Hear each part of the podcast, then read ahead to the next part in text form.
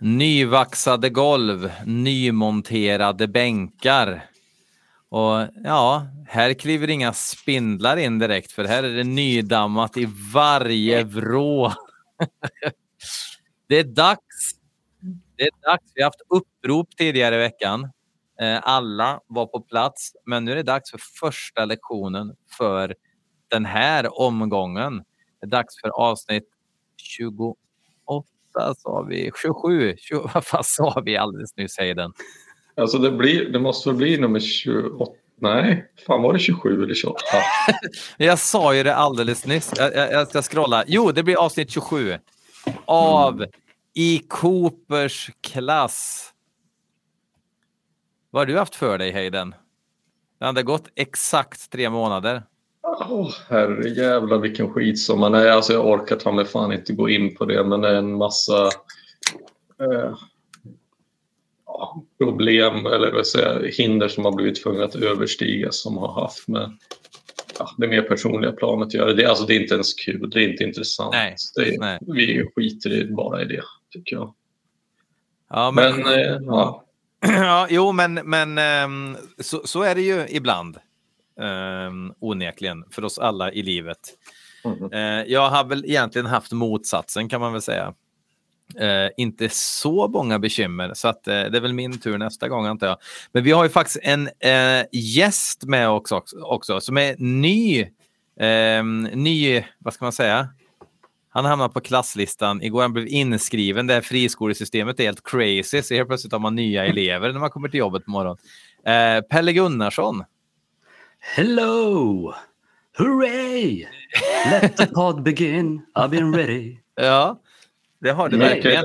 Mycket starkt välkommen ska du vara. Tack så mycket. Förflyttad från uh, Camelback uh, High till Coopers Class. Be cruel to your school.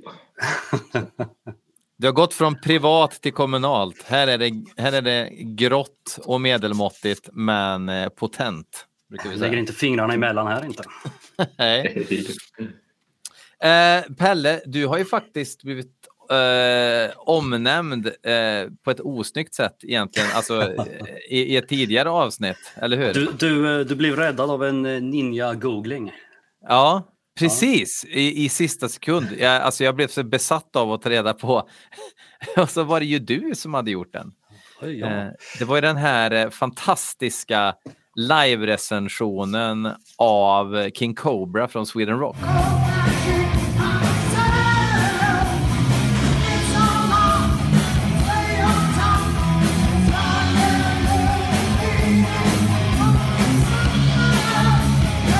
precis. 2016 kanske konserten var. Mm. Eh, det var väl där jag pikade. det är din när, magnum opus liksom. Ja, precis. När Johnny Rod hörde av sig och ville prata med mig i telefon efter. Eh, och något eh, skit i byx så ringde jag honom. Men han svarade aldrig så att, eh, jag klarade mig undan från den svadan. Men, men han hade fått ny som recensionen eller vadå? Han hade väl pratat med Martin Karlsson om något i samband med det där och då hade ju Martin eh, spilt bönorna givetvis och tyckte att det där, det måste vi prata om.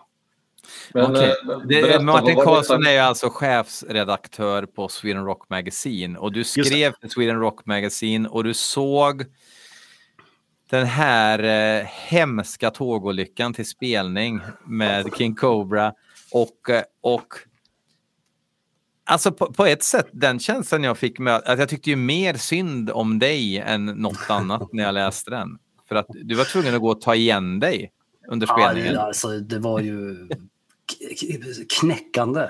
När, när det är något som man har lyssnat på så länge och bara varit så glad över att nu jädrar ska jag få se.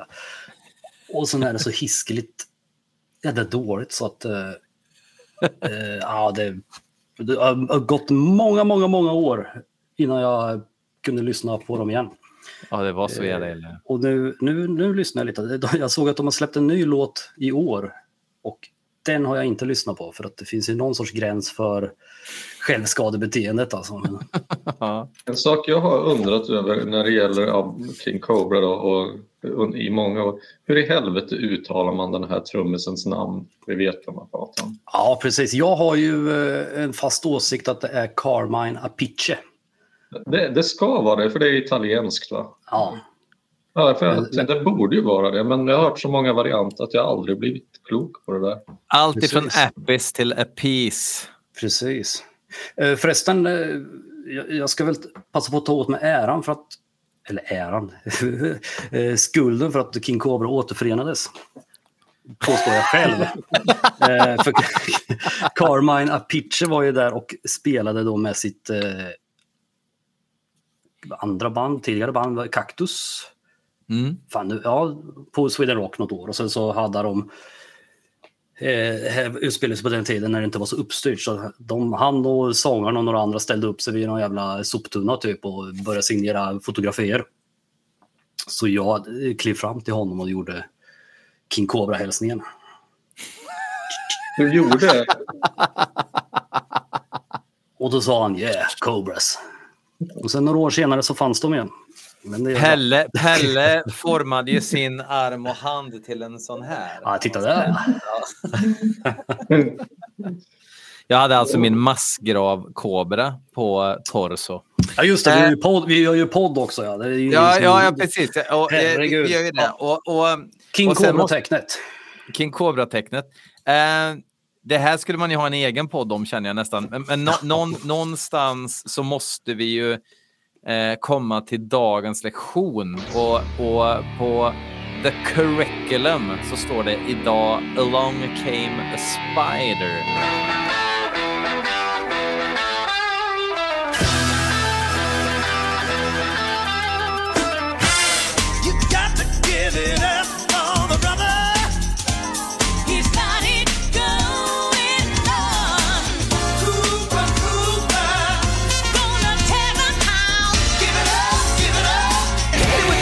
Gonna break it down.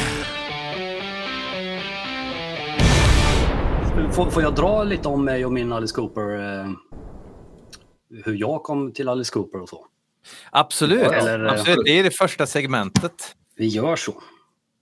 Uh, jag då, Pelle Gunnarsson, uh, har ju uh, gjort saker och ting. Alltså nu har jag blivit så hiskeligt gammal så mycket av det ligger långt tillbaka. Men 00-talet så var jag med och skrev en, ett fanzine som heter Chrome Magazine. Uh, och även där på 00-talet så hade jag ett skivbolag, ett vinylbolag som heter Black Juju. Vart kan jag ha fått det ifrån? Mm.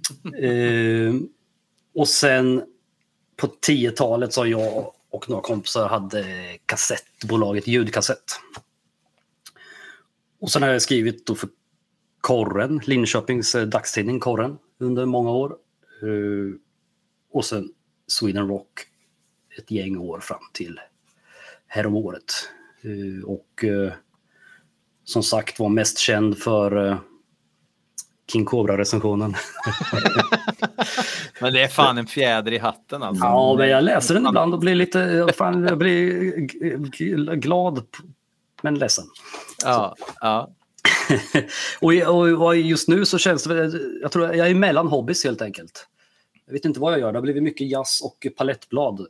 Eh, och ibland blir jag bara rädd för vad jag håller på med, vart jag är på väg. Mm, mm. Men eh, så kan det gå. Eh, och sen hur, eh, hur jag började lyssna på Alice Cooper. Eh, hösten 86 så visade Sveriges Television videon till His Back, The Man Behind the Mask. Och i, i mitt huvud så var ju detta Kia Berg på bagen. Uh, men nu när jag kollar upp det så visar bagen gick 84 till 85 så det här måste ju vara något annat. Något ja. annat program. Uh, men dagen efter sen så vibrerade hela skolgården på, på mellanstadiet där att såg du Alice Cooper igår? Det är ju det tuffaste som finns. Alla var helt till sig trasorna. Uh, och då visade det sig att en kompis till mig eh, Hej Robert Fors i parallellklass hade Constrictor-skivan. Eh, och det här är lite konstigt, alltså tiden är ju konstig så här i backspegeln. Det känns som det här utspelar sig på en dag. Eh, det gick kanske flera månader emellan, men det, det är som den här amerikanska eh, ungdom på sommarlägerfilmen Wet Hot American Summer. När hela sommarlovet utspelar sig på en dag. Mm, mm. Och, men så han spelade in Constrictor som mig och det var ju svinbra. Och sen hade han en morbror som var en gammal hårdrockare som spelade in Billion Dollar Babies. Och så lyssnade jag på den och tänkte att fan det här lät eh, annorlunda. men eh, jag kom fram till att jag gillar det ändå. Och det är ju lite roligt, det är 13 år mellan Billion Dollar Babies och Constrictor men det är ju en hel jädra evighet musikaliskt. Det mm. Är ju märkligt. Och nu idag ska vi prata om en skiva som är 15 år gammal. Det är, det är inte samma evighet däremellan. Nej, det, det är också det är märkligt. Inte. Men sen eh, har jag lyssnat på Billion Dollar Babies, kom tillbaka till skolan, sa till alla mina kompisar att Billion Dollar Babies, fy fan vad bra, Alice Cooper är det tuffaste som finns. Och de bara tittade på mig och sa Billion Dollar Babies, så jävla dålig, du är dum i huvudet. Alice Cooper är en tönt. Alltså barn alltså. och det var väl då jag insåg att man gillar olika. Jag antar att du bytte skola efter det här.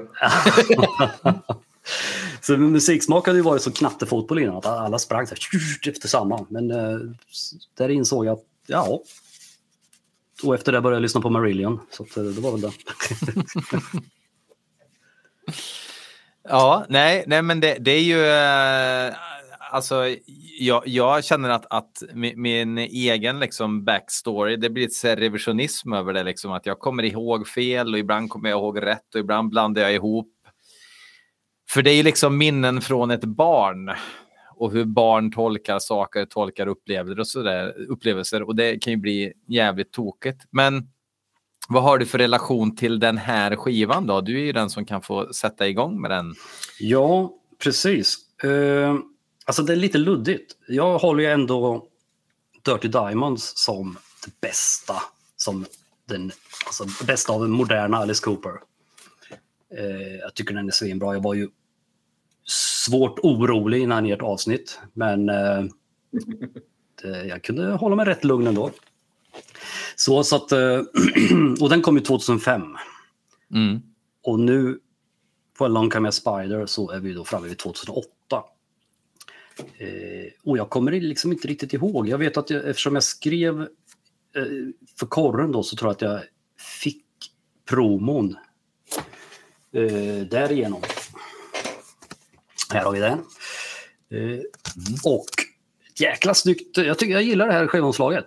Mm. Trots att man stirrar rätt upp i Alice nasum så eh, är den snygg.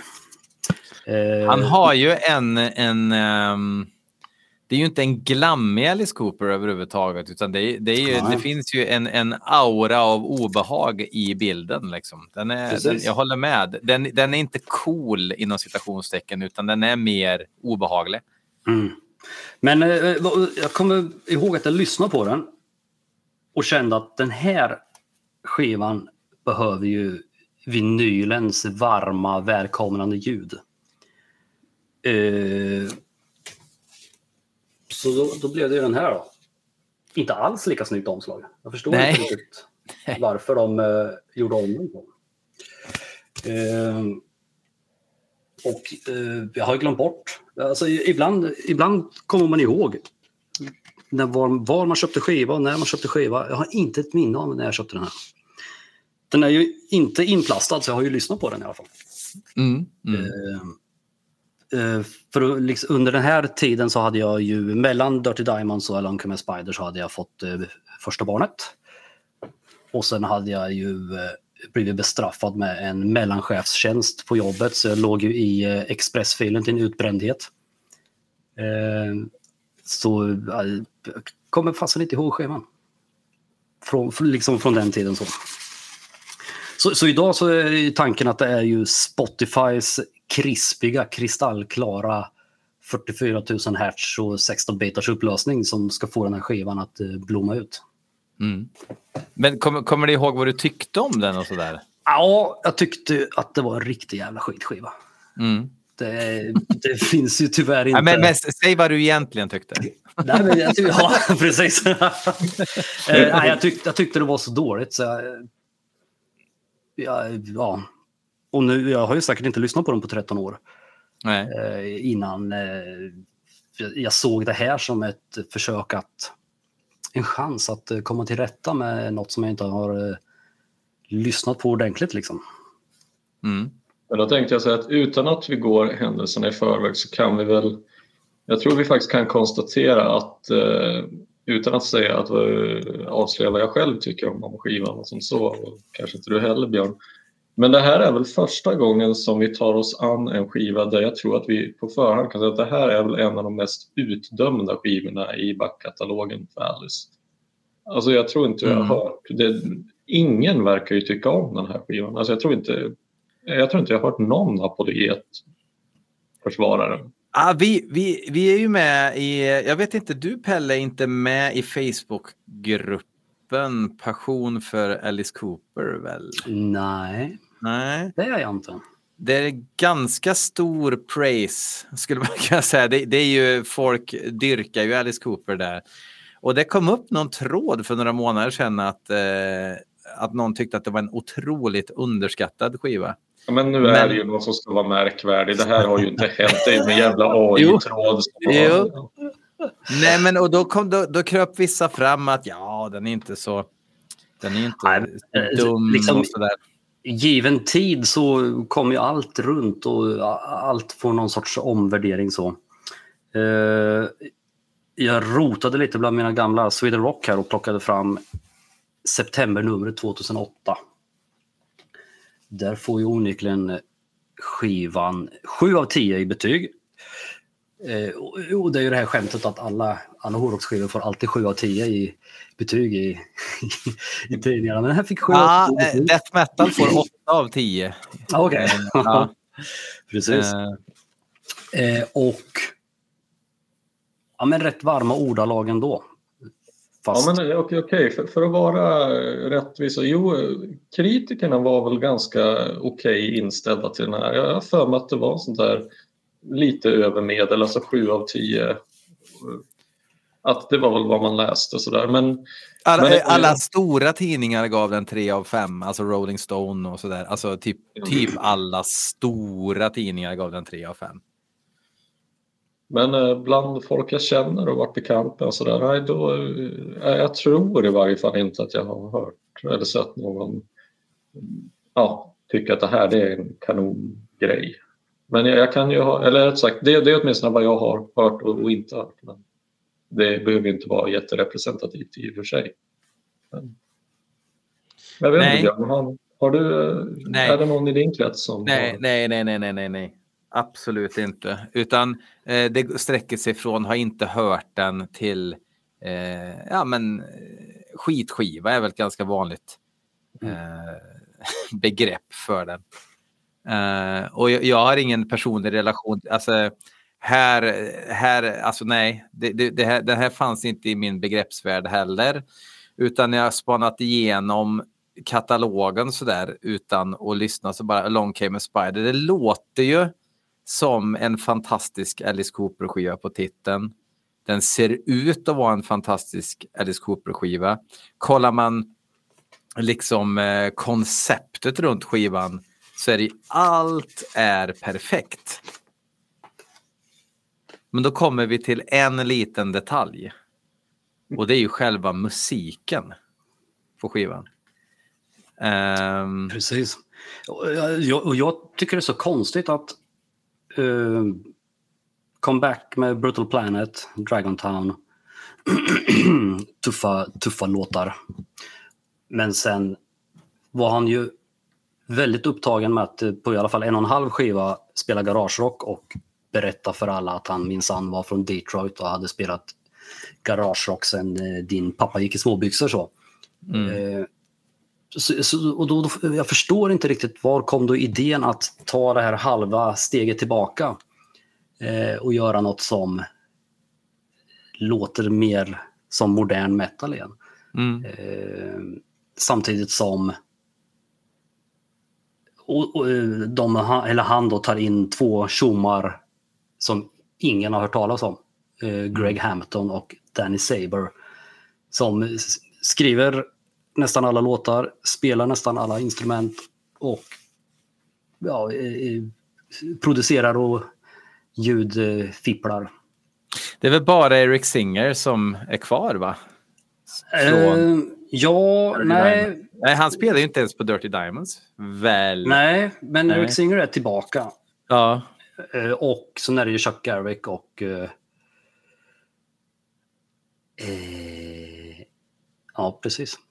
Jag För tänker att Eric Singer, Eric Singer måste ju liksom var och varannat år gå ut liksom på någon sorts arbetsförmedling för rockmusiker och bara ta det första bästa som betalar hyran. Liksom. Ja. Men eh, Ryan Roxy har ju slutat. Mm. Och sen har ju Kerry, Kerry Kelly kommit in istället. Eh, men så har jag läst att, de hade, att bandet, Alice Coopers band hade skrivit 20 låtar till skivan.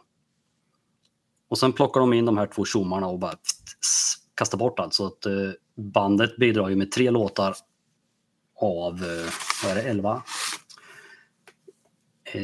så, ja, jag förstår inte riktigt vad, hur tanken gick.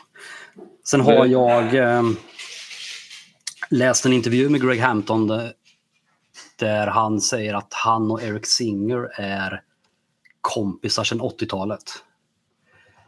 Så jag ser okay. ju framför mig hur Eric Singer har knackat på Alice Coopers axel eller Shep Gordon och sagt äh, här killen. Eh, och vad ska vi dra för slutsats då av att det här är eh, Eric Singers eh, sista skiva med Alice Cooper? Men, eh, men det blir ju jättemärkligt. Jag sitter där och kollar i, i bookleten så att Eric Singer är ju inte med på... Det finns ett spår där han inte spelar trummor. Ja. Men det finns ju lite blipploppstrummor på den också. Ja. Det ska ja, vi prata mer om sen. Mm. ja. eh, nej, men på något sätt eh, konstigt att de plockar in de här två tjommarna. Eh, Danny Saber har ju någon sorts bakgrund i eh, Happy Mondays.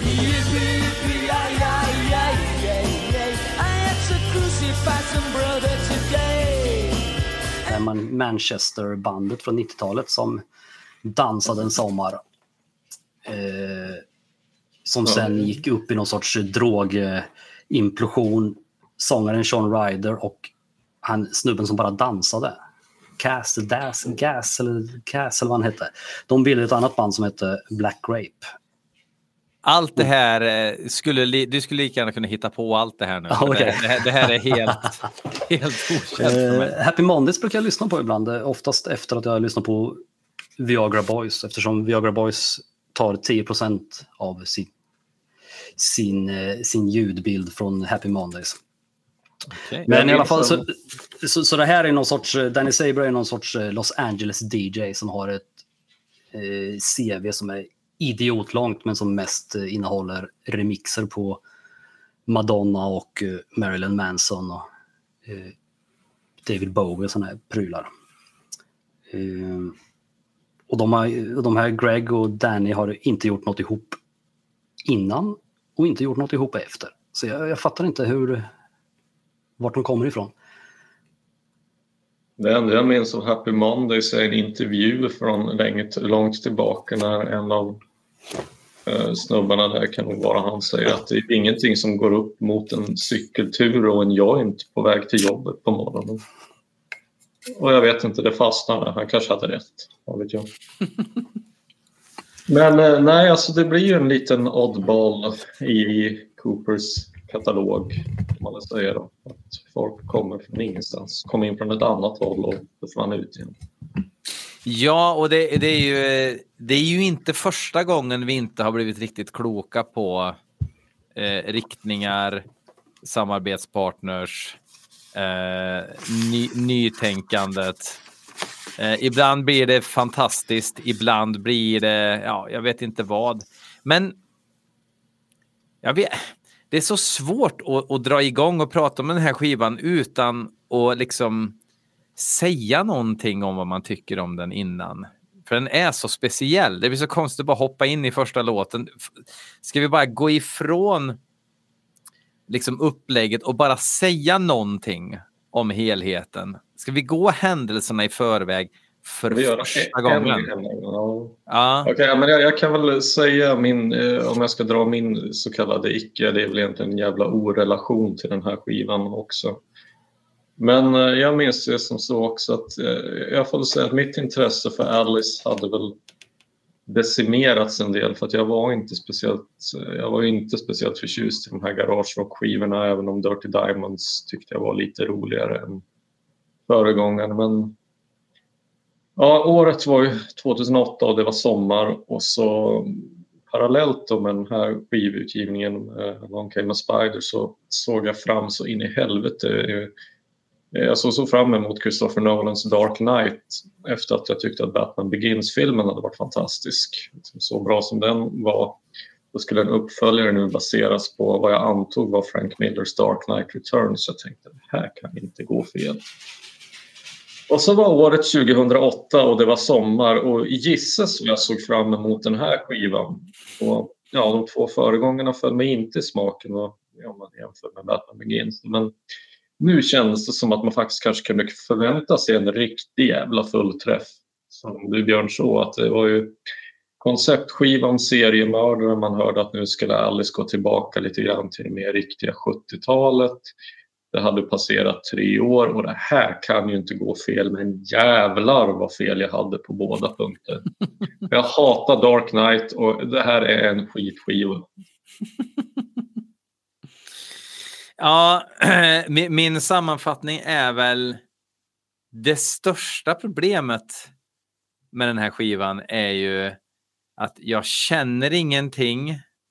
Jag avskyr ingenting och jag gillar ingenting. Liksom. Alltså det, det bara låter. Och det är en ny låt som bara låter. Jag har, jag har lyckats liksom dechiffrera små saker som skulle kunna um, som skulle kunna någonstans sammanfatta någon låt här och var. Men det, det är ju, alltså hur många, jag, jag har säkert hört den här skivan tio gånger nu de senaste veckorna. Och det, det är, förutom några strofer här och var, så är det som att jag hör låtarna för första gången. Jag kommer inte ihåg ett riff, jag kommer inte ihåg, jag kommer inte ihåg en trumtakt. Låttiteln kan avslöja någon strof här och var som jag kommer ihåg lite vagt. Um, men det är någonting med den som är så sjukt oengagerande. Liksom. Men Greg Hampton har sagt i en intervju att man måste lyssna på skivan 20 gånger innan man, innan man tycker den är bra. Ja, det, det kommer jag inte göra. Jag kommer inte göra det. Det är bara så. Ska vi ge oss på melodi nummer ett eller? Jag tänkte bara säga att eh, samma sak här, att vi skrev lite grann till varandra, du och jag Björn. Om, mm. vi upplevde ju samma sak, att men, alltså, vi fick väl nästan lite panik över att men, alltså, vad fan ska man skriva om det här då? Jag, menar, jag kommer ihåg till Hatpastorbloggen så var jag och, och Pansran, vi tänkte vi, vi skulle göra ett knäck för att ge oss på vilken den mest mediokra black metal-skivan som spelats in egentligen är. Så då satt vi med Mactatus Suicide och Cradle of Filths Godspeed on the Devil's Thunder. Och det var fan inte... Alltså, det är ju en utmaning att komma på någonting att säga eller skriva om någonting som egentligen inte ens finns på riktigt. Alltså det är så mm. generiskt att Ja, alltså det knappt existerar. Det är nästan som att det går in i en ny dimension. Vilket är fascinerande, men det gör det ju inte lätt. Ja, men ska vi hoppa in i melodi nummer ett då? Yes, det är ju alltså prolog som övergår i betongkrossaren I know where you live.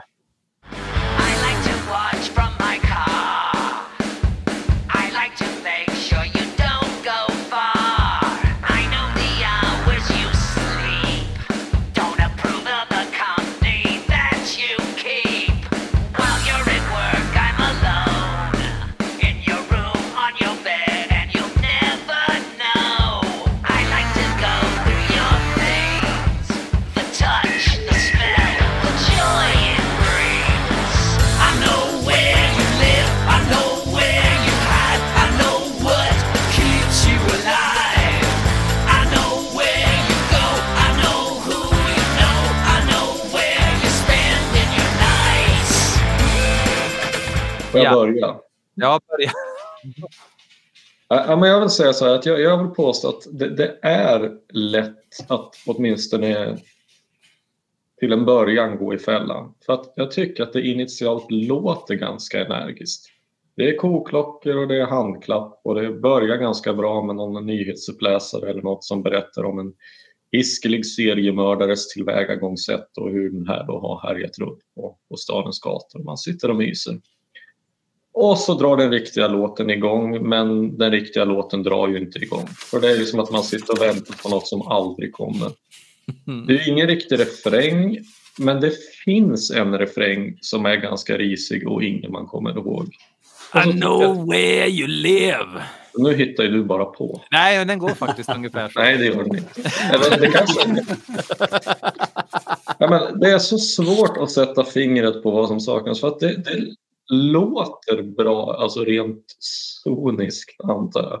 Körer och det är okej okay, instrumenthantering men det är ju varken text eller melodi eller fräng eller sol eller riff sätter sig och kanske efter sju genomlyssningar så märkte jag att efter de här inledande Alzheimers övningarna där man bara hör låten för första gången trots att det är genomlyssning nummer sex. Då börjar man känna igen låten lite grann men så fort skivan av så glömmer jag bort den. Helt på riktigt, så jag har ingen aning om hur den här låten går nu. Och det, det blir var... verkligen som, som en Alzheimers simulation. Liksom. Ja, jag säger man, man, Ja, exakt. Det är 50 first dates med Along Came Spider.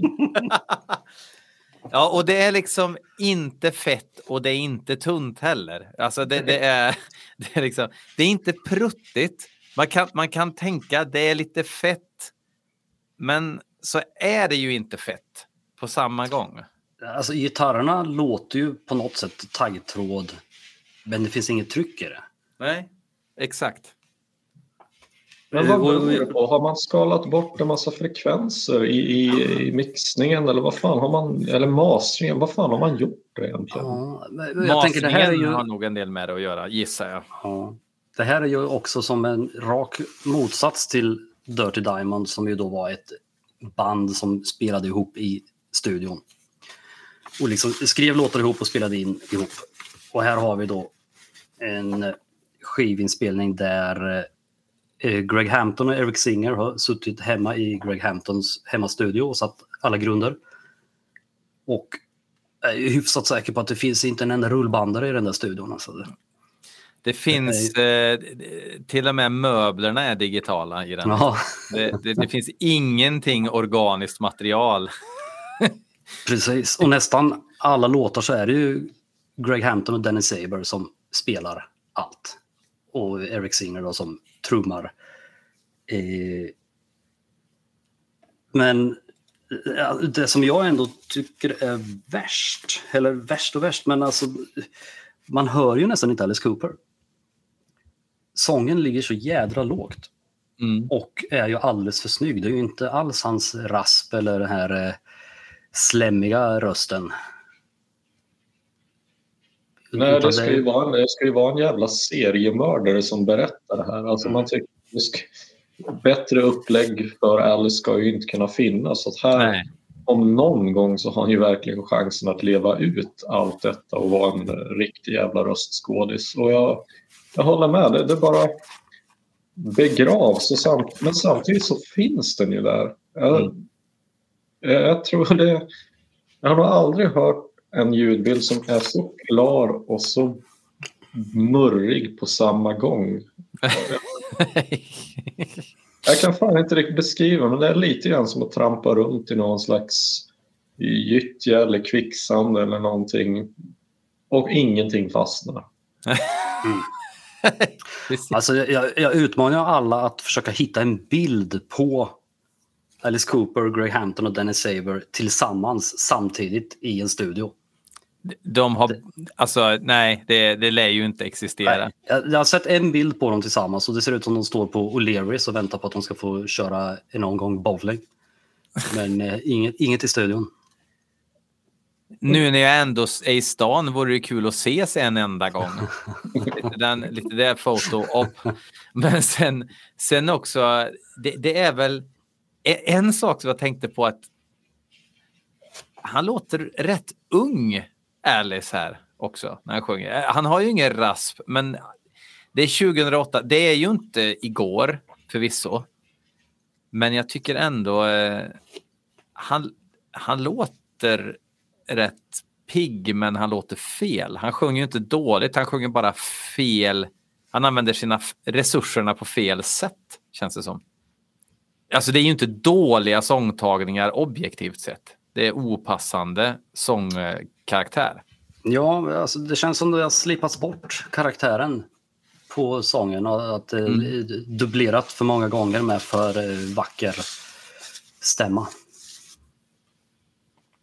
Absolut. Ja. Så länge har ingen pratat Nej. om Vengeance is mine, jag vill säga om I know where you live. Men det är låt som ingen kommer ihåg. Då kör vi lite Vengeance, Vengeance is mine. Vi, så får Slash hoppa in här också.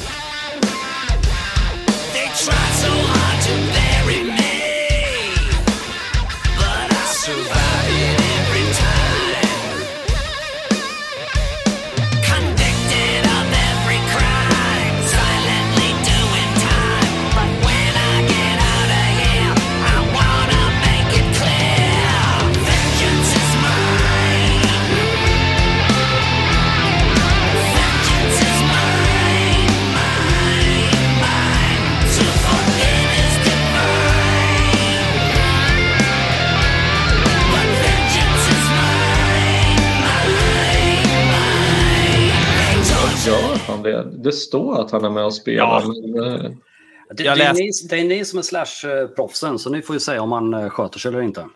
Eh,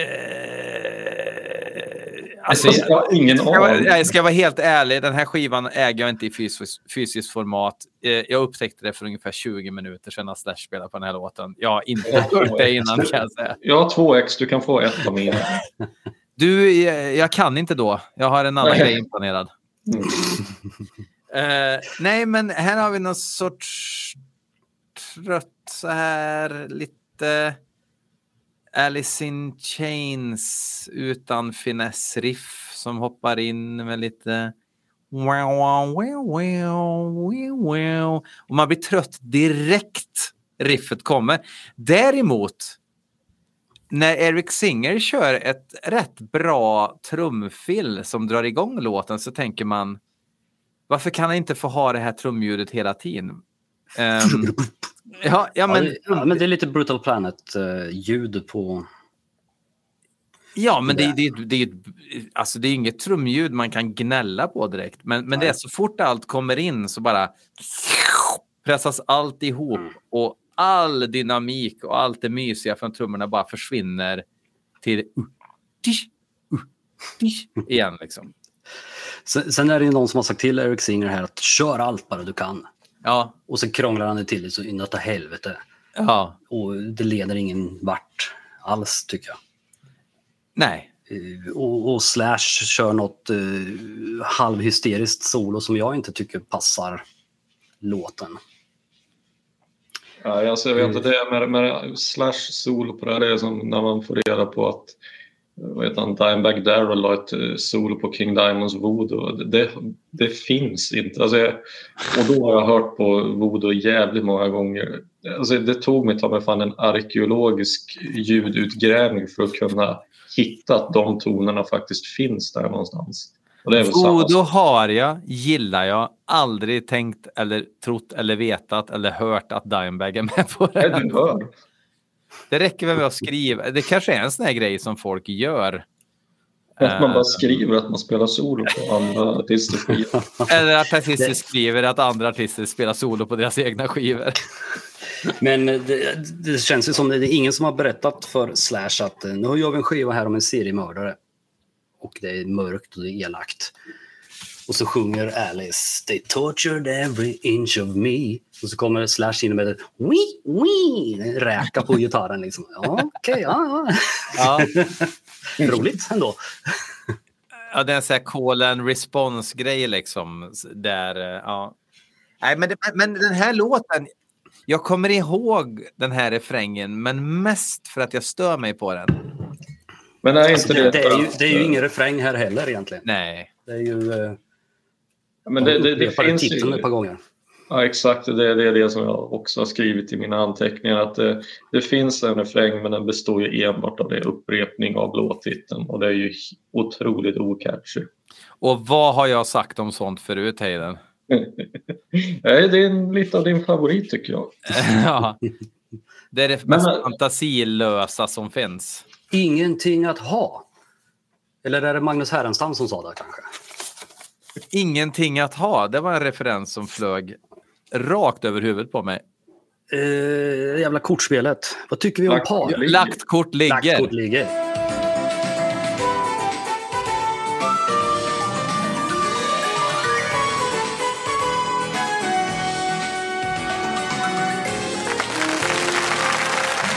Lagt kort ligger. Ingenting toy, att toy, ha. Toy, Som han sa också. Så Men morfar alltså, döpte sin katt till efter det faktiskt. Lagt kort ligger. Ja, Toy Toy. Lagt kort ligger är ett jävligt bra namn på en katt. Men tillbaka till den här den ja. Samtidigt så vill jag påstå att jag kan typ förstå att det kanske lät okej okay när, när de spelade in den. Och jag, jag, vet inte om det rör det sig om en sån här platta som bara repat, spelats in och sen putsas på till förbannelse så till en grad att de alltså inte vet eller de hör inte vad de gjort. Alltså man hör inte mm. vad som funkar och vad som inte gör det. Att de har blivit döva någonstans i, i själva processen. Att ingredienserna de finns ju där någonstans med koncept och groove och sådär men det blir ändå så jävla segt och energilöst att man blir ju helt anemisk när man lyssnar igenom det. Gitarristen har en egen hemmastudio ska, ska visa sig på styva linan och eh, säger det här kommer bli så jävla bra, överarbetar produktionen. Så låter det Along came a spider sen, gissar jag. Ja, man vill ju liksom mm. ha Roses on White Lace fast som en hel skiva, men en spoiler det är inte. Nej, Nej exakt så. Eh, ska vi låta Ossi kliva in tillsammans med Alice på Wake the Dead.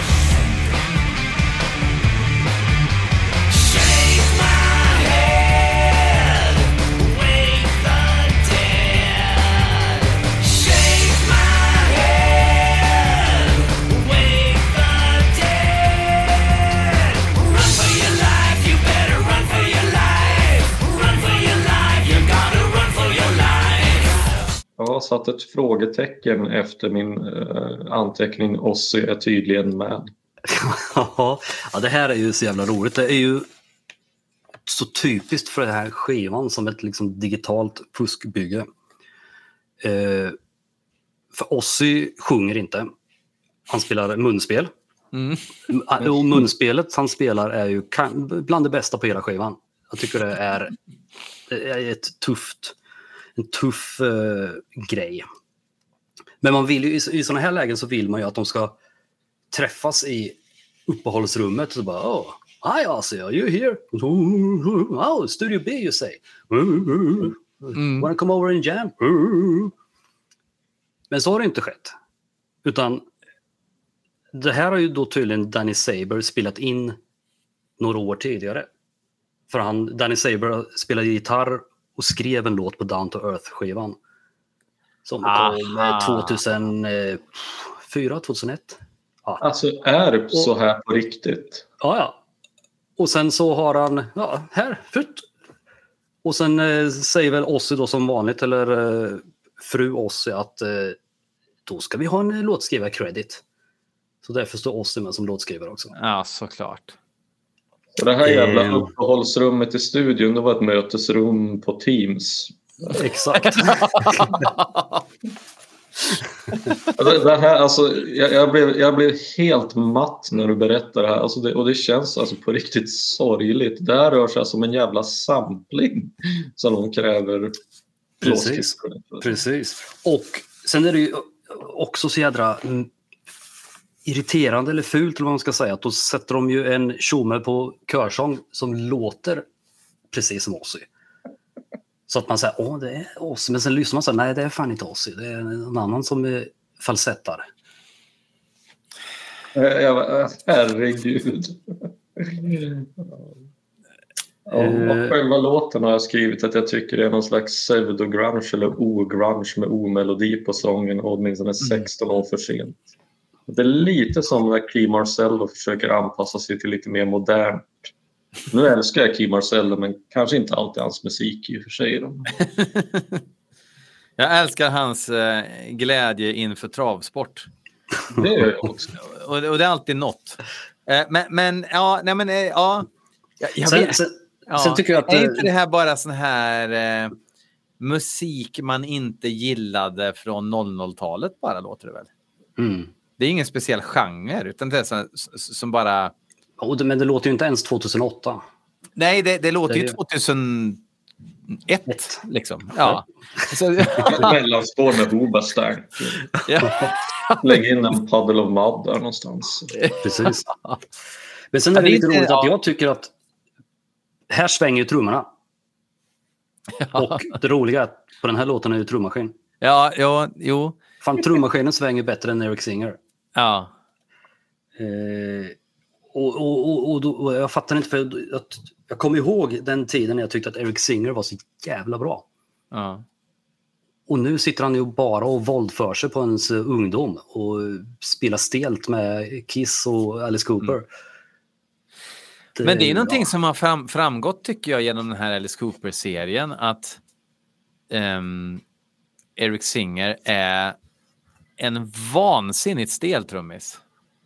Jag har inte sett honom som det förrän jag har analyserat typ allt han har spelat på med Alice Cooper. Att han, mm. han förhöjer ju aldrig någonting. Nej. Men han är vansinnigt stabil. Mm. Han är ju, det är nog inga problem att ha med honom i ett, eh, i ett eh, backingband. Liksom. Han kommer ju göra det han ska och ingen kommer gå ifrån spelningen och säga vilken kass trummis. För husfridens skull väljer man Eric Singer framför Ginger Baker.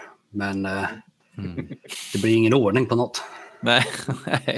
Jag vill också bara slänga in, jag brukar ju vilja kommentera här med texter och så här och jag undrar varför de är så förbannat lökigt tråkiga. Mm. Alltså vi pratar om att Alice Cooper för en gång skulle göra en konceptskivejävel om en seriemördare. Alltså mer hand i fucking O.J. Simpson-handske borde ju inte kunna gå och liksom uppbringa. Men vart är fyndigheterna? Mm. Och, alltså, texterna är så jävla generiskt tråkiga att jag, mm. här känner jag inte igen Alice för, för kanske den absolut första, alltså inte ens på, konst, på Constrictor var de på, på den här tråknivån för då var de åtminstone mm. lite kul även om de var lökiga.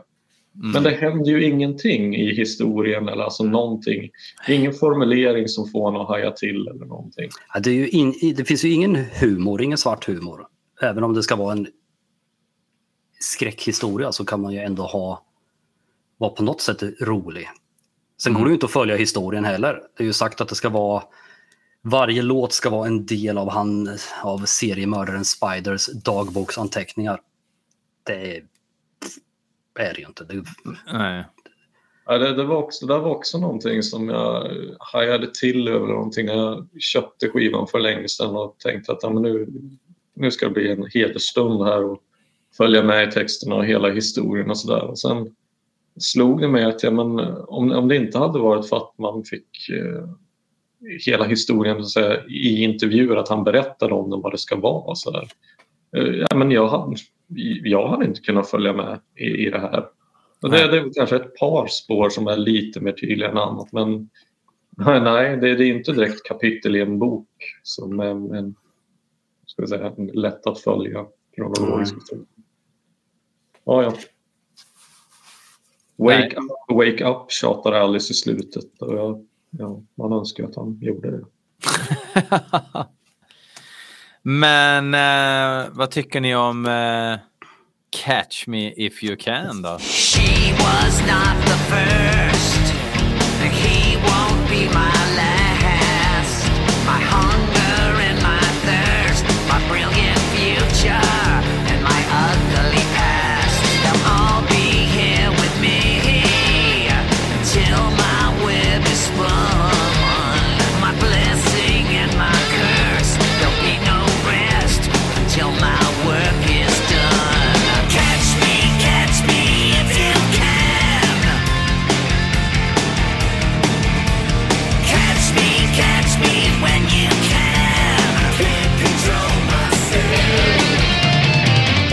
en positiv sak att säga.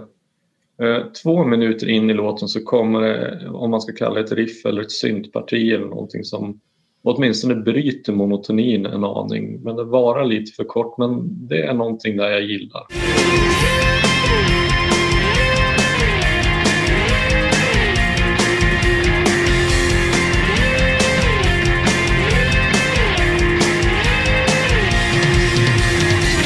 Så är det ju AI-riff och AI-melodier med samma formula.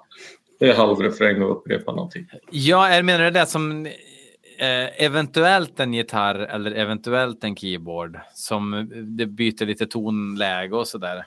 Precis, jag har ja. faktiskt inte blivit klok på om, om, det, om det är en gitarr eller keyboard. Nej, det, ja. Det, det, det må väl kvitta rätt hårt, men jag håller med om att det, fin, det, det händer någonting där. Men helvete vad snäll man är då. När man lyfter den grejen som någonting. Men vad fan, någonting måste man ju säga. Men jag tycker ändå den här låten har ju några av de bästa sekunderna på hela skivan. Eh, och det är eh, när han sjunger I'm skinny with the demons and I do it again.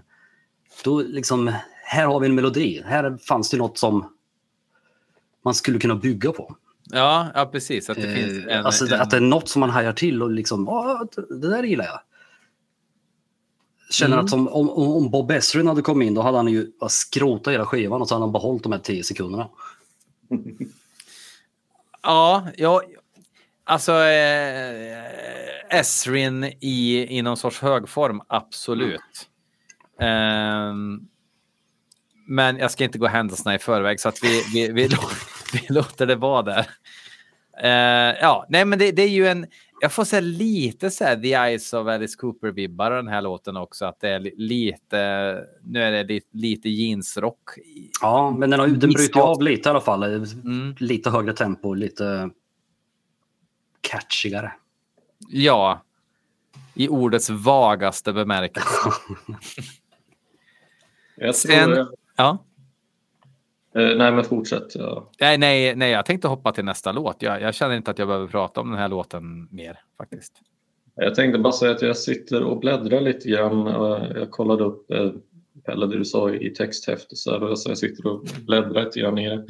Och jag tror att jag, när jag köpte den här skivan och för länge sedan, att jag blev lite, ska säga, skenet bedrog. Att jag, på något sätt så får jag fortfarande inte riktigt ihop i huvudet att det här skulle ju vara en, en lite av en comeback 70-tal och, och konceptskiva. Och Men det, det har han ju fan sagt sen trash liksom. Ja, jo, i och för sig. Men, han sa ju om trash. Att ja, det var...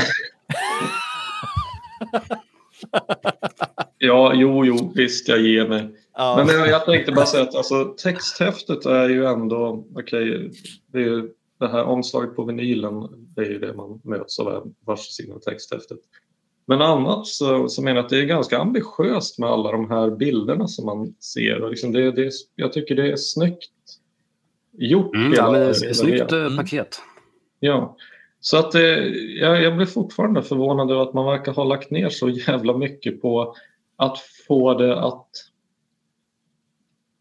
vad ska säga, visuellt att få det att framstå som att det är en, en jävligt cool skiva.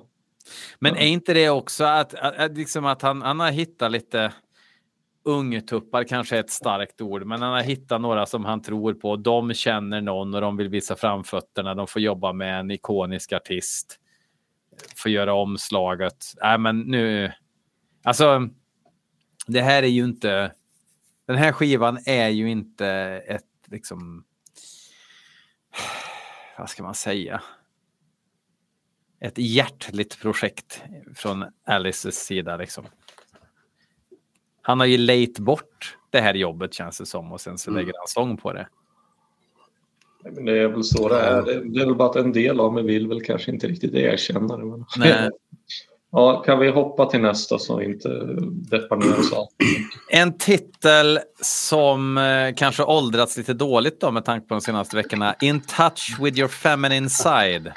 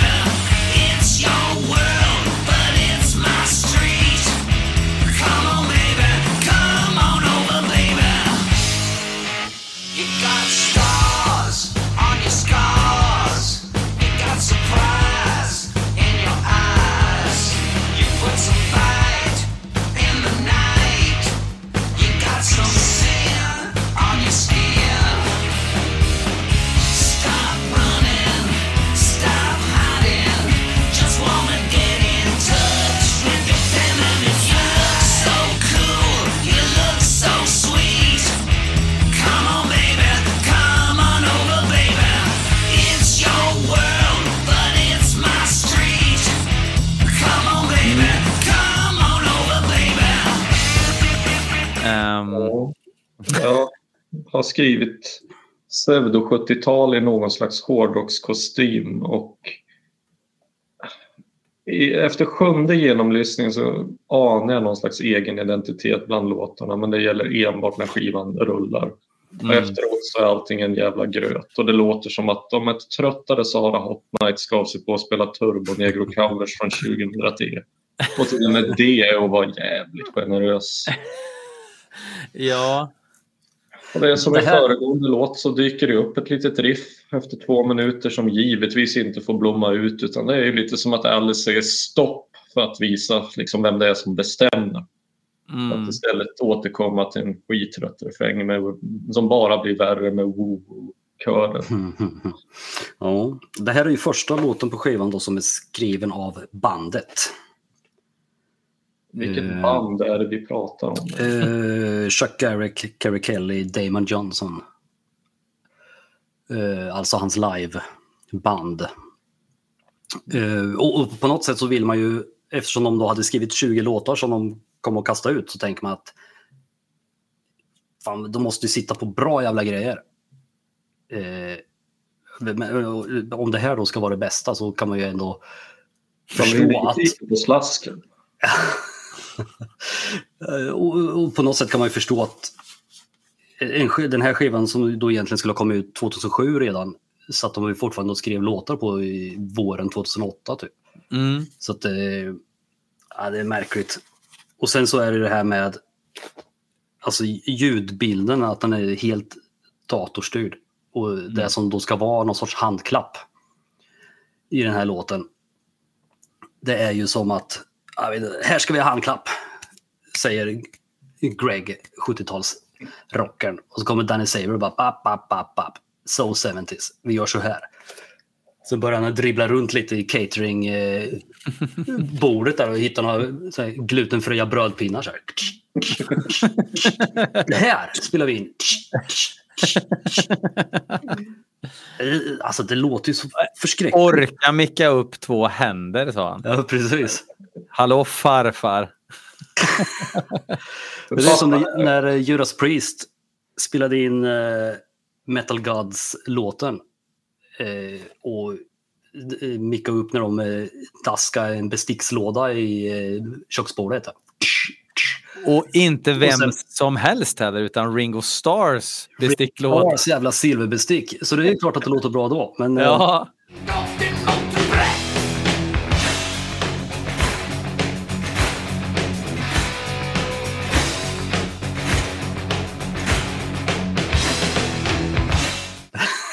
Men de här jävla brödpinnarna, de...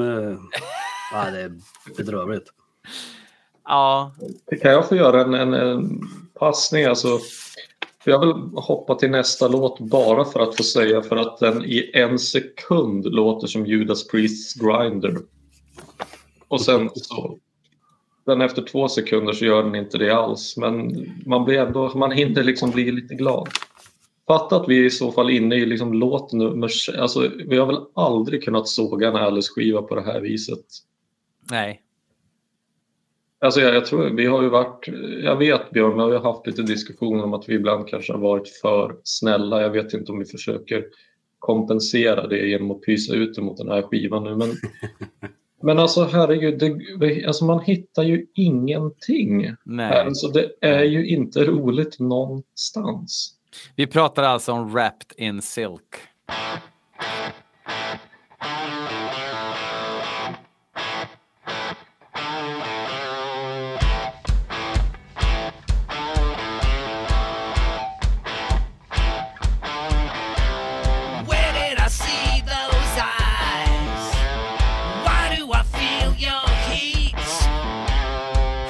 I know you're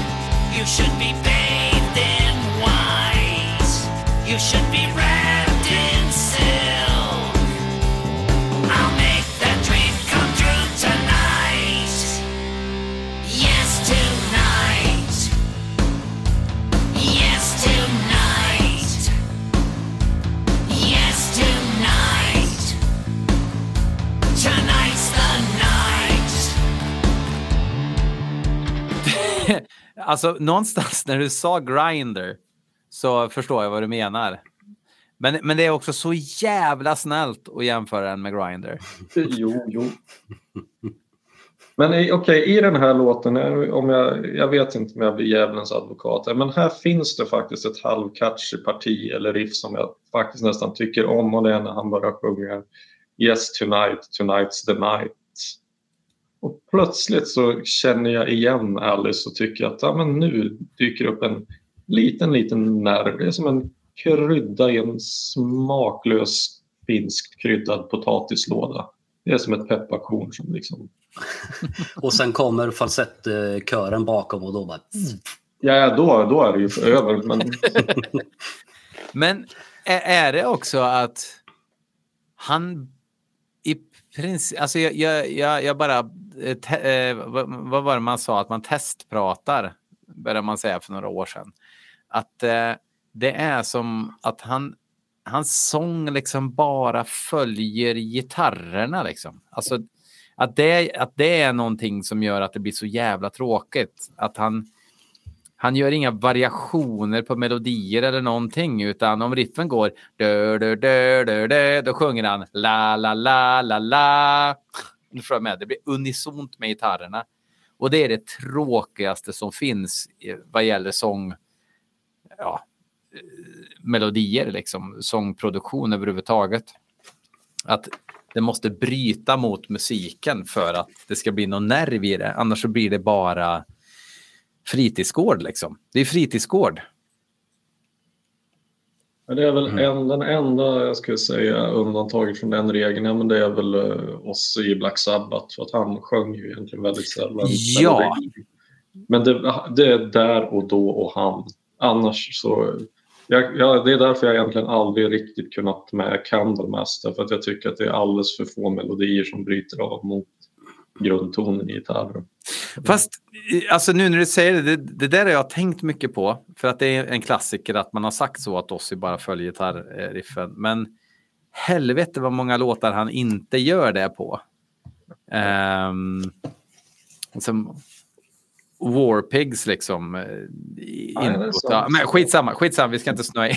Vi får inte lägga 25 minuter på Black Sabbath nu, utan det tar vi till sabbatsåret. Mm. Um, Men här, det känns ju ändå som att Greg Hampton som då spelar gitarr här, han har ju försökt att göra något sorts klassiskt rockriff. Eh, mm. Men det, det, blir ju liksom, det, det, blir ju ingen No More Mr Nice Guy. Det är ju, det fastnar ju inte på något sätt. Och det finns ju inget, det, allt, det finns inget som leker någonstans. Nej. Det är ju bara liksom rakt fram eh, stelt, stadigt men stelt så. Han siktar på No More Mr Nice Guy men hamnar på afterski i Åre istället. Liksom. det, det duger ju inte. Nej. Och nu på sistone så har jag lyssnat rätt mycket på Ghost to Hell och Muscle of Love-skivorna. Och där, alltså det finns ju så mycket, det är så mycket percussion och ja. bara roliga grejer och annorlunda ljud och uppfinningsrikhet som så jädra roligt att lyssna på. Och här försöker man ju inte ens. Nej. Men är det då att de här två tjommarna har... Är det så att de har fått för sig att de tror att så här gör man 70-talsrock men att de verkligen bara inte fattar grejen och så blir det så mm. vansinnigt uh, oorganiskt på grund av det. Mm. Och att man, att man väljer att digitalisera så jävla mycket. Liksom. Mm. Det, det, det, är ju kanske det, det, det, första man väljer att inte göra när man ska försöka emulera någon sorts 70-tal. Ja. Man kan väl spela in helt digitalt och få det att låta okej okay, i och för sig, men, men det är just det att det är så mycket det är så mycket 00-tal i allting de gör hela tiden. Ja, man vill behålla 00-talet också. jag vill återigen bara hoppa till nästa. Så att vi, alltså, vi är ju inte klara på ganska lång väg. Killed by love.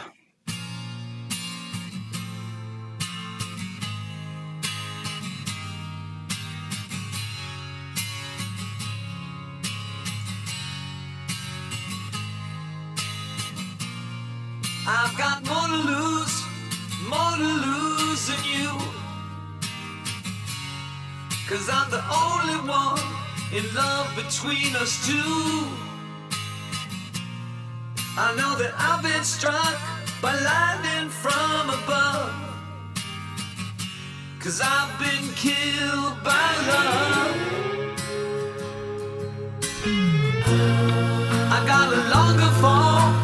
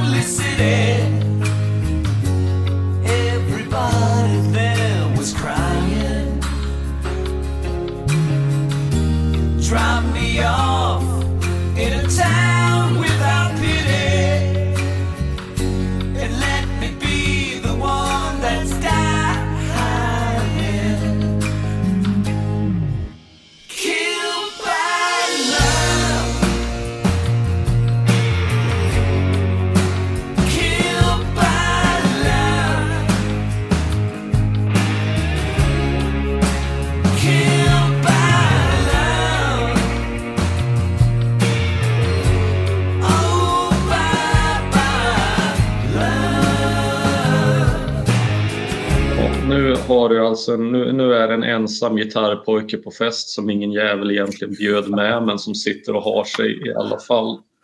Och så är det standardballad med någon slags bluesförtecken och det är det återigen som om en jävla AI tagit saken i egna händer och kryssat fram en ackordföljd som har snickrats tidigare en miljard gånger.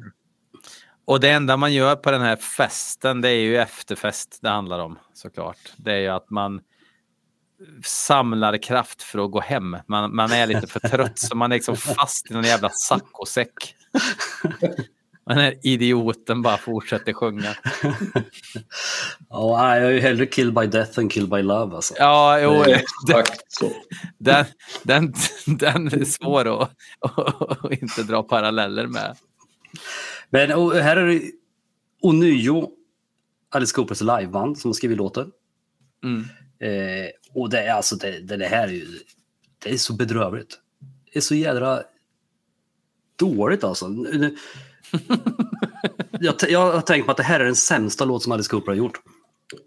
Men i, i förra delen så bestämde ni att den sämsta låten Alice Cooper har gjort är ju Stand. Mm, jag tänkte Förstås, faktiskt, att... hade den här skivan varit sämre om Exhibit gästade på alla låtar? Det hade blivit mer organiskt i och för sig. Den hade fan blivit ja. intressantare va? Ja. ja, alltså det här får ju vara den näst sämsta låt som Alice Cooper har gjort. Eh, och det låter ju som något som ratades från Hey Stupid. Det är ju... Ja, men, men, ja exakt. Nej, men det, ja, men det är ju så, hittills så har vi, vi, vi är alltså på låt nummer sju och det är ju bara olåtar från början till slut. För att det, det är så generiska ackordföljder och uppbyggnader och omelodier att de knappt finns. Och jag, jag, kan inte förstå att jag sitter och säger det om en Alice Cooper-skiva. Mm. Hur, hur jävla... I vilken... Även om vi har varit på de sämsta Cooper-skivorna och, här, och härjat runt tidigare så tycker jag att man har åtminstone alltid lyckats hitta något litet guldkorn och det finns några toner eller fraseringar eller någonting i, i låtarna som gör att det är åtminstone någonting lite catch eller någonting, någonting man minns, någonting som är lite kul. Och jag kan inte förstå att, de, att allt sånt verkligen lyser helt med sin frånvaro där vi är på, alltså fram till och med låt nummer sju. Jag, jag fattar inte hur det är möjligt på en Alice-skiva det, det är det som gör den här skivan så jävla unik. att den kan vara så okatchy och så tråkig. Mm. Ja, sen, jag förstår, eller jag förstår inte, men jag förstår att det ska vara en ballad på varje Alice Cooper-skiva och den ska handla på något sätt om hjärta och smärta och uh, uh, ja, men ja. liksom att på, på Dirty Diamonds är det ju tre ballader. Men där blir man ju inte vansinnig för att där är de ju så pass annorlunda ändå. Ballad of Jesse Jane och Pretty Ballerina. Det är ju, ja. det är ju en annorlunda sorts låtar. Mm. Och, och, det här ska ju då vara standard Housewife-balladen. Jag såg, jag, eh, jag grävde fram den här gamla Sweden Rock och såg där att eh, en tidigare gäst i er podd skriver att det här är kanske den starkaste Housewife-balladen som Alice Cooper har skrivit. Vem skrev det? Ja, vi, det är 15 år sedan, det är preskriberat. Men, uh, Inte i den här podden. jag tror jag vet vem det är, men jag säger ingenting. för det, det man, man, får, man får inte Long Came a Spider shama 2023. Ja, precis. Jag tror jag vet. Skitsamma. Han får krypa till korset i Alice Cooper-gruppen, tänker jag. uh, ja, nej, men... Um, ja, I'm hungry.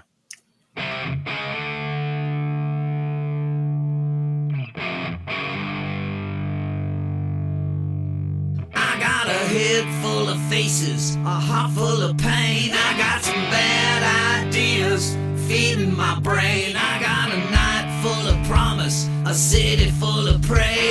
It looks like everything is going my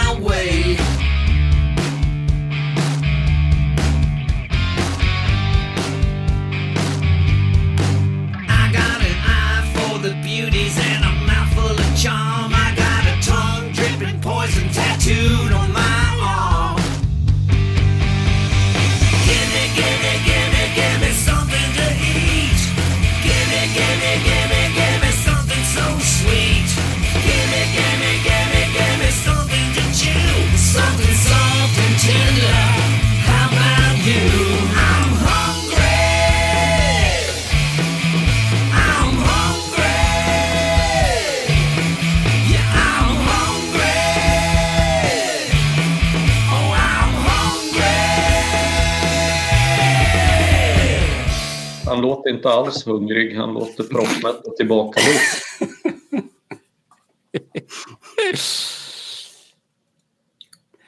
Men alltså, här är, kan man inte ändå kalla det här typ ett gitarriff?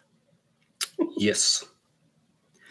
antingen, antingen, så har jag blivit lite skadad eller annars så är det så att jag har kommit upp till de här 20 gångerna man ska lyssna på skivan. Men för den här låten Och det är också roligt för den här låten har helt bara passerat. Och nu senaste veckan så bara, den här, I'm hungry. Så har jag liksom först nu som jag har lagt märke till den. Men, men det känns som att den är inte så tokig. Det skulle kunna bli en riktig partylåt. Mm. Eh, visserligen då av en psykisk störd seriemördare.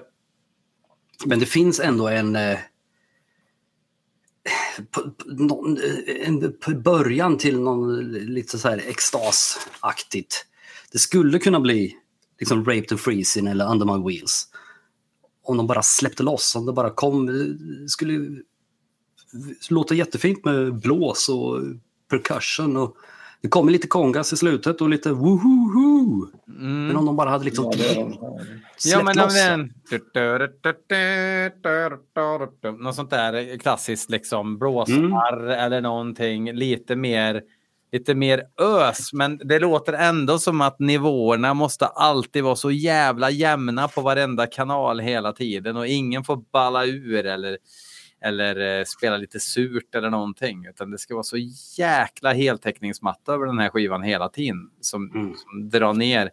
Men jag, jag, jag, håller med. Det är lite så nästan så Eagles of Death Metal-aktig eh, partyrock liksom som inte... Det är som att de soundcheckar till ett party. innan folk kommer. Men det blir aldrig party. Liksom. Ja, vad säger Hayden? Eh, alltså jag, jag minns, jag, jag, kommer faktiskt inte ihåg hur den här låten går. Jag, jag minns att han sjunger titeln i refrängen. Men eh, och så, nu när ni säger det här så börjar jag minnas lite vagt. Men det, det är fan rätt blankt alltså. Mm. Det är handklapp och Woo-girls har jag skrivit och det, ja, det... Om jag säger Då skulle jag säga att du kan ju hitta på. Men jag, jo, okej okay då. Det, det kanske finns, det finns nog där någonstans. Men, uh, ja. The one that got away. You look like it fit in the trunk of my car.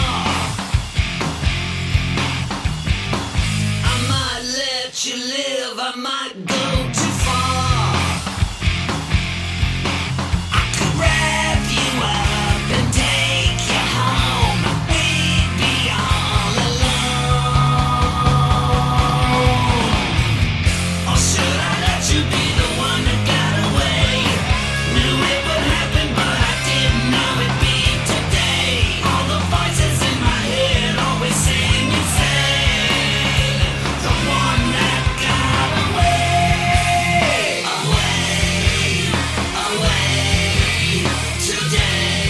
här vill jag dock fan lägga in någon slags brasklapp eller någonting. Att om den här låten hade varit med på någon sampler eller samlings-CD och jag inte hade hört resten av skivan innan, då hade jag fan kunnat ha haft lite hyfsade förhoppningar inför hela grejen.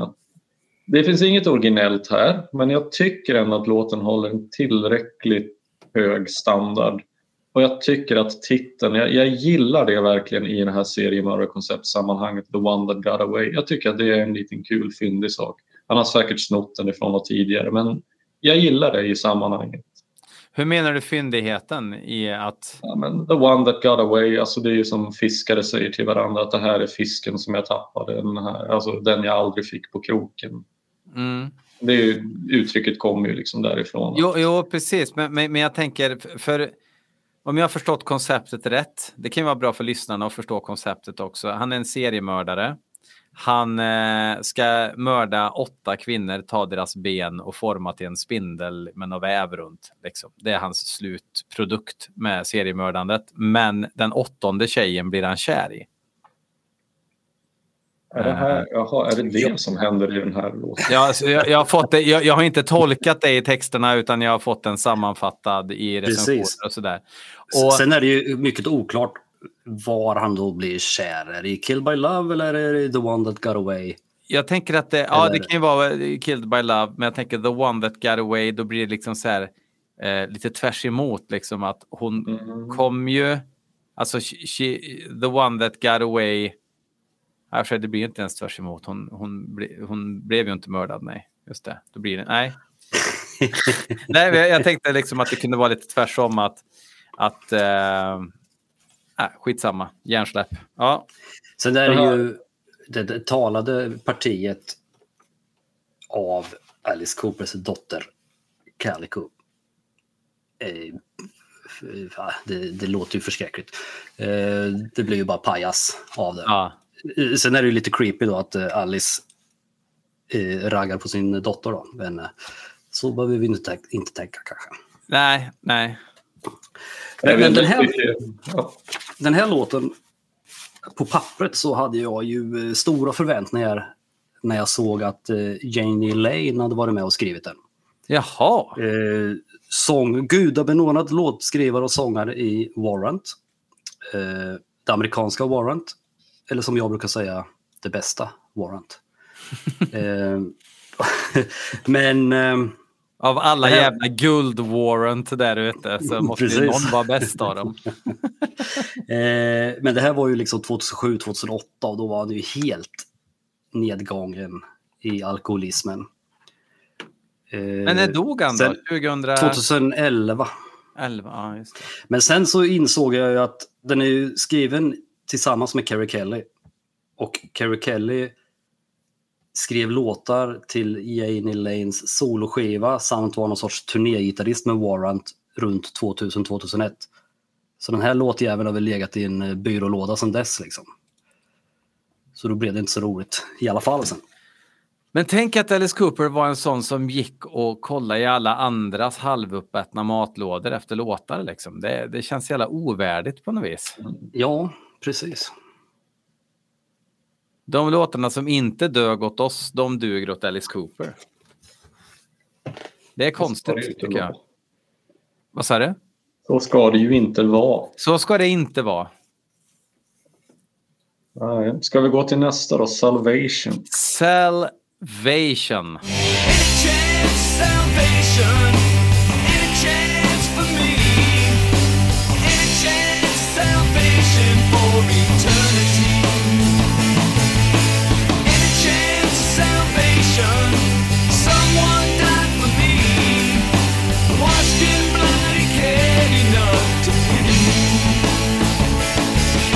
Här, här blir det så jävla ironiskt för i mina anteckningar har jag skrivit att låten har en refräng som liknar en riktig sån och som man har en chans att komma ihåg efteråt. Och nu när vi sitter och pratar om den, jag har ingen aning om hur det där går.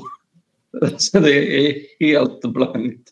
Jag tycker att den påminner lite grann, alltså jag, jag tänker på den, um, oh, vad heter den här radioaktiva låten på Zipper Catcher Skin. Han är på Flush the Fashion. Uh, Flush the Fashion är det ja. Uh, det står helt stilla. Och bara så står det still i huvudet. Uh, ja. Aspirin, nej, inte Aspirin Damage. Den heter ju... Uh... Inte, exakt. När han är radioaktiv. Hayden. When I'm happy, ja. blue yellow. Exakt. When I'm sad, Den, ja. blue yellow. Ja, vet. Ja, Nuclear infected. Nuclear infected, ja. Och jag tänkte att when I'm happy, Yellow. Sjunger han ju här fast en annan text. Uh, fast han håller kvar den melodin sen. Men det var faktiskt första gången jag hörde den så kände jag att det påminner om den. Eh, men det gör den ju inte, den här låten. Den påminner ju inte om den på något sätt. Nej, men här, här alltså, vi, nu är vi på låt nummer 10. Mm. Och, och, och, det känns lite som det först nu som det dyker upp då en låt som ändå lever upp till verkshöjden för vad en Alice-låt ska vara. Eh, för, eh, för, det finns en hyfsad refräng och det är ju ett annorlunda... Den bryter ju av mot de andra låtarna. Det är lite fejkstråkar. Eh, det byggs upp ändå lite halv episk stämning. Trots att låten bara är fyra minuter så. Mm. Eh, körsången är ju för en gångs skull inte ett jävla falsettskrålande bara. Eh, och uh, tycker det låter lite som, det skulle vara något från Last Temptation-aktigt kanske. Någon av de balladerna där. Uh, och sen är det ett schysst Beatles-stick mot slutet också. Som ju åtminstone lutar lite åt det lekfulla så. Sen tänker jag att det är ju här som Slash skulle ha gjort ett solo. Här hade han ju ja, gjort sig... Den hade ju funkat liksom... bättre än Vengeance is mine som inte liksom påminner om någonting som han håller på med i övrigt. Mm. Eh, men, men, grejen är att jag, jag, jag, är beredd att hålla med dig om, om allt du säger förutom kanske det är bara inte en jättebra låt ändå, trots att den tickar väldigt många boxar den står ju sig inte speciellt bra mot andra vad ska man säga, liknande låtar som man har gjort. Även om man gör lite rätt på den, för det håller jag med om. Nej, nu jobbar vi ju på uh, alla ja. med Spider-skalan. Liksom, ja, jo, det... precis. precis. Uh, men det gäller ju to give credit where credit is due då. Absolut. Jag, jag önskar att jag kunde säga någonting. Jag har bara mina egna anteckningar att gå efter och det är, ja, som, som du sa Pelle, det är syntstråkar och det ja, jag skriver piano och en massa dubbningar på rösten och sådär. Men, men jag, jag, är helt seriös när jag säger att jag, jag minns fan mig inte en ton av det här nu när vi sitter och pratar om det. Det är helt sjukt. Jag, aldrig, jag tror det aldrig har hänt med, med någon Alice-låt tidigare. Men nej, det är helt blankt. Jag har ingen aning. Och vi har ju skrivit till varandra liksom, att, vi har lyssnat. Alltså jag har ju lyssnat mer på den här skivan än någon annan skiva de senaste veckorna. Liksom. Och, det, den är ju totalpajat Spotify alltså. Ja, ja. Shit, va? han har ju fått mer royalties på grund av oss tre gissar jag. från den här skivan än vad han har fått på länge. Um, avslutar då med I am the spider.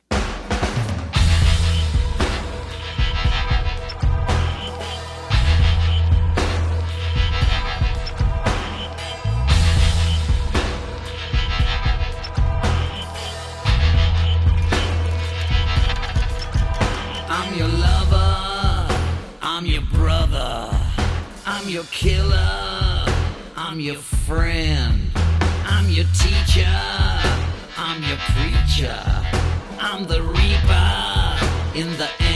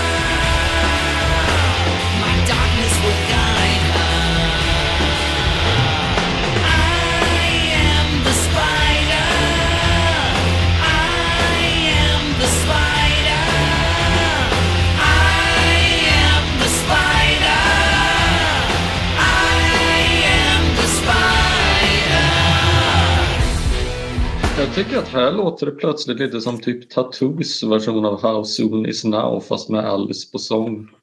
Lite någon, tillbaka någonstans på typ Brutal Planet eller kanske Dragon Town och jag tycker fan att det här är för en jävla gångs skull på den här skivan tycker jag att det låter helt okej.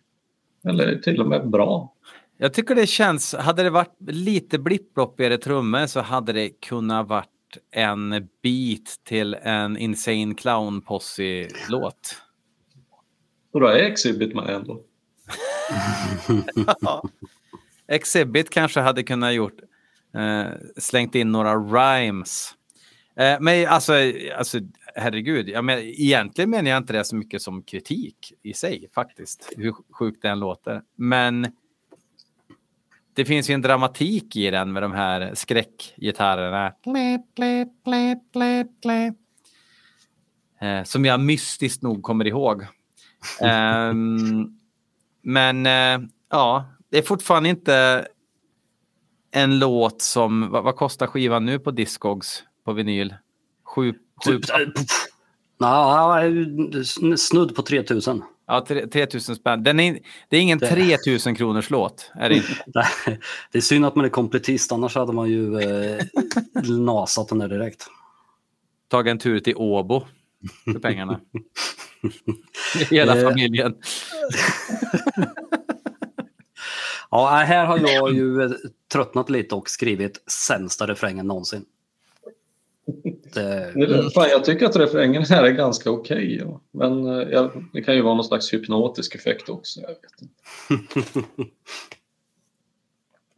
ja, sen kommer det ju en, en aningens bajsnödigt försök att knyta ihop det hela med klassisk Alice Cooper lore. Med att eh, mm. peta in Steven här i sista sekunden. Det finns Och det känns ju onödigt.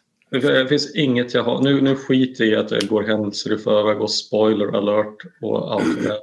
Det finns inget jag hatar mer i historier än var det bara en dröm? Kanske, eller fantasi. Ja, det här är ju Alice Coopers Bobby Ewing kommer ut ur duschen. Moment. Oh. Så jaha, så det här var, då var det alltså ingenting? Nej. Wow. Nej. Men då, då slänger vi väl skivan då, vill man ju säga då. Om det inte ens har hänt. Det kanske är hans, det kanske är hans eget sätt att säga att den här skivan borde aldrig ha hänt. Tänk om det är ett skitsmart metaskämt att det är därför man inte minns någonting av skivjäveln. Den har ju aldrig hänt. Åh oh, jävlar. Ja, ja det, det känns som vi har sagt nog om den här skivan. Men man kan, om man ska se det positiva i hela då, så är det ju ändå den skiva som har sålt bäst sen Hey Stupid i Alice Coopers karriär. så någonting, Every Cloud. ja. Kan, kan du definiera Pyrrhus seger för mig? det finns ju också det positiva att när den här skivan då väl släpptes efter att ha varit lite försenad eh, juli 2008, då blev det ingen turné. Eh, det blev ingen turné förrän juli eller augusti då, 2009. Och då gav sig ju Alice ut på någon så här greatest hits, eh, var det Theater of Death eh, ja. turnén tror jag.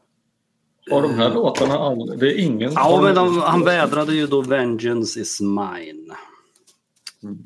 Eh, låter ju prick lika dåligt live. Mm. Eh, så något...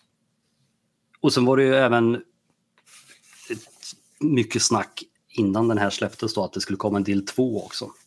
Åh oh, gud i himmelen. Eh, precis, men där någonstans så träffade han ju Bob Ezrin igen och då sa Bob Ezrin eh, nej.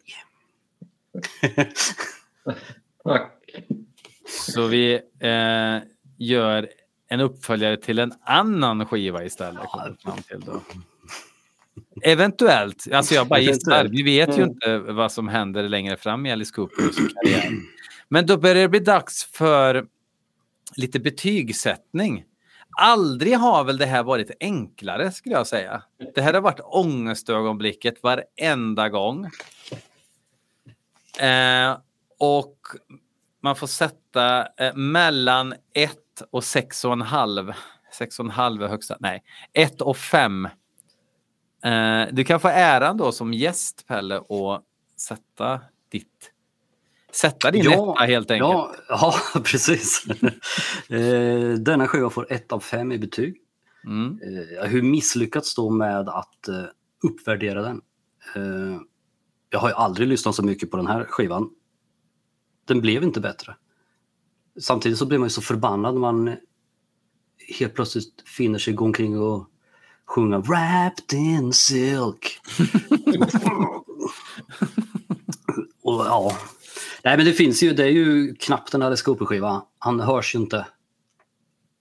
Och det är alltid så tillrättalagt, stelt. Uh, och ingen lekfullhet någonstans. Så, så att det, ja, det, det finns inget annat än ett. Nej. Nej, eh, jag, jag tycker att det beskriver ganska bra. Det, det känns som ett covid-projekt som kunde fått ett annat namn än Alice Cooper. Liksom. Uh, det blir en etta här också. Um, och då känner jag mig inte ens elak, utan det, det, är så rättmätig etta på något vis. Alltså, ibland så kan man ha lite dåligt samvete efteråt, även om jag tycker att vi ibland har varit väl snälla, men man ändå så här, ja, jag kanske var lite för hård och grejer. Men den här skivan, den förtjänar liksom inte någon kärlek.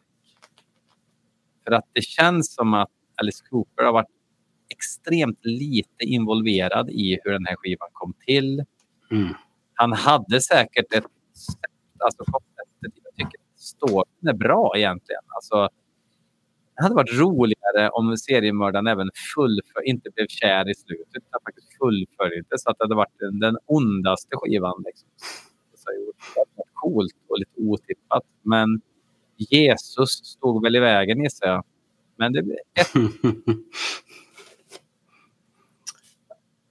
alltså, man undrar ju lite vad när, när Alice hade sin första genomlyssning av den här skivan. För att på något sätt har ju det har spelats in musik på en kant och sen har Alice fått lyssna lite och spelat in sin sång och sen har någon eh, plockat ihop det här och lagt till körsång och prylar och mixat och sen lyssnar Alice och sen alltså vad, vad tänkte han då?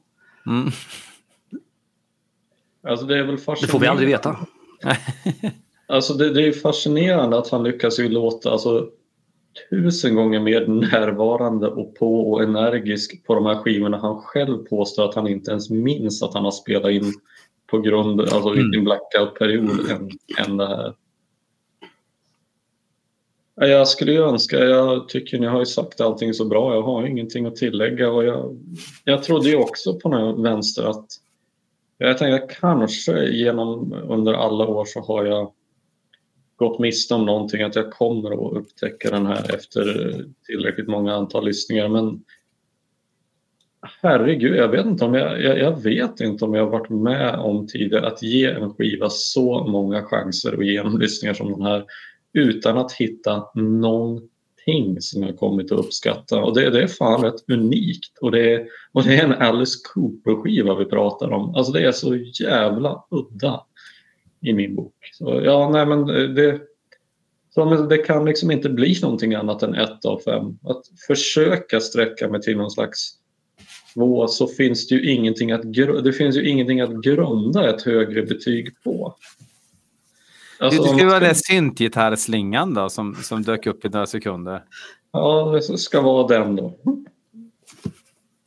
Men jag tror att den får stryka på foten. Ja, nej, jag vill aldrig höra den här skivan igen. Jag hoppas att jag slipper. Ja. Och eh, Pelle, tusen tack. Alltså, det känns trist att inte kunna betala ut lön för en sån här uppgift. Eh, det är ju inte a labor of love alla gånger. Um, Nej, tusen tack för att du var med. Skitkul. Otroligt. Det var, det var roligt att vara här. Uh, och till nästa gång så säger vi väl då som vanligt, låt stå. Låt stå. Och tack för kaffet. För kaffet.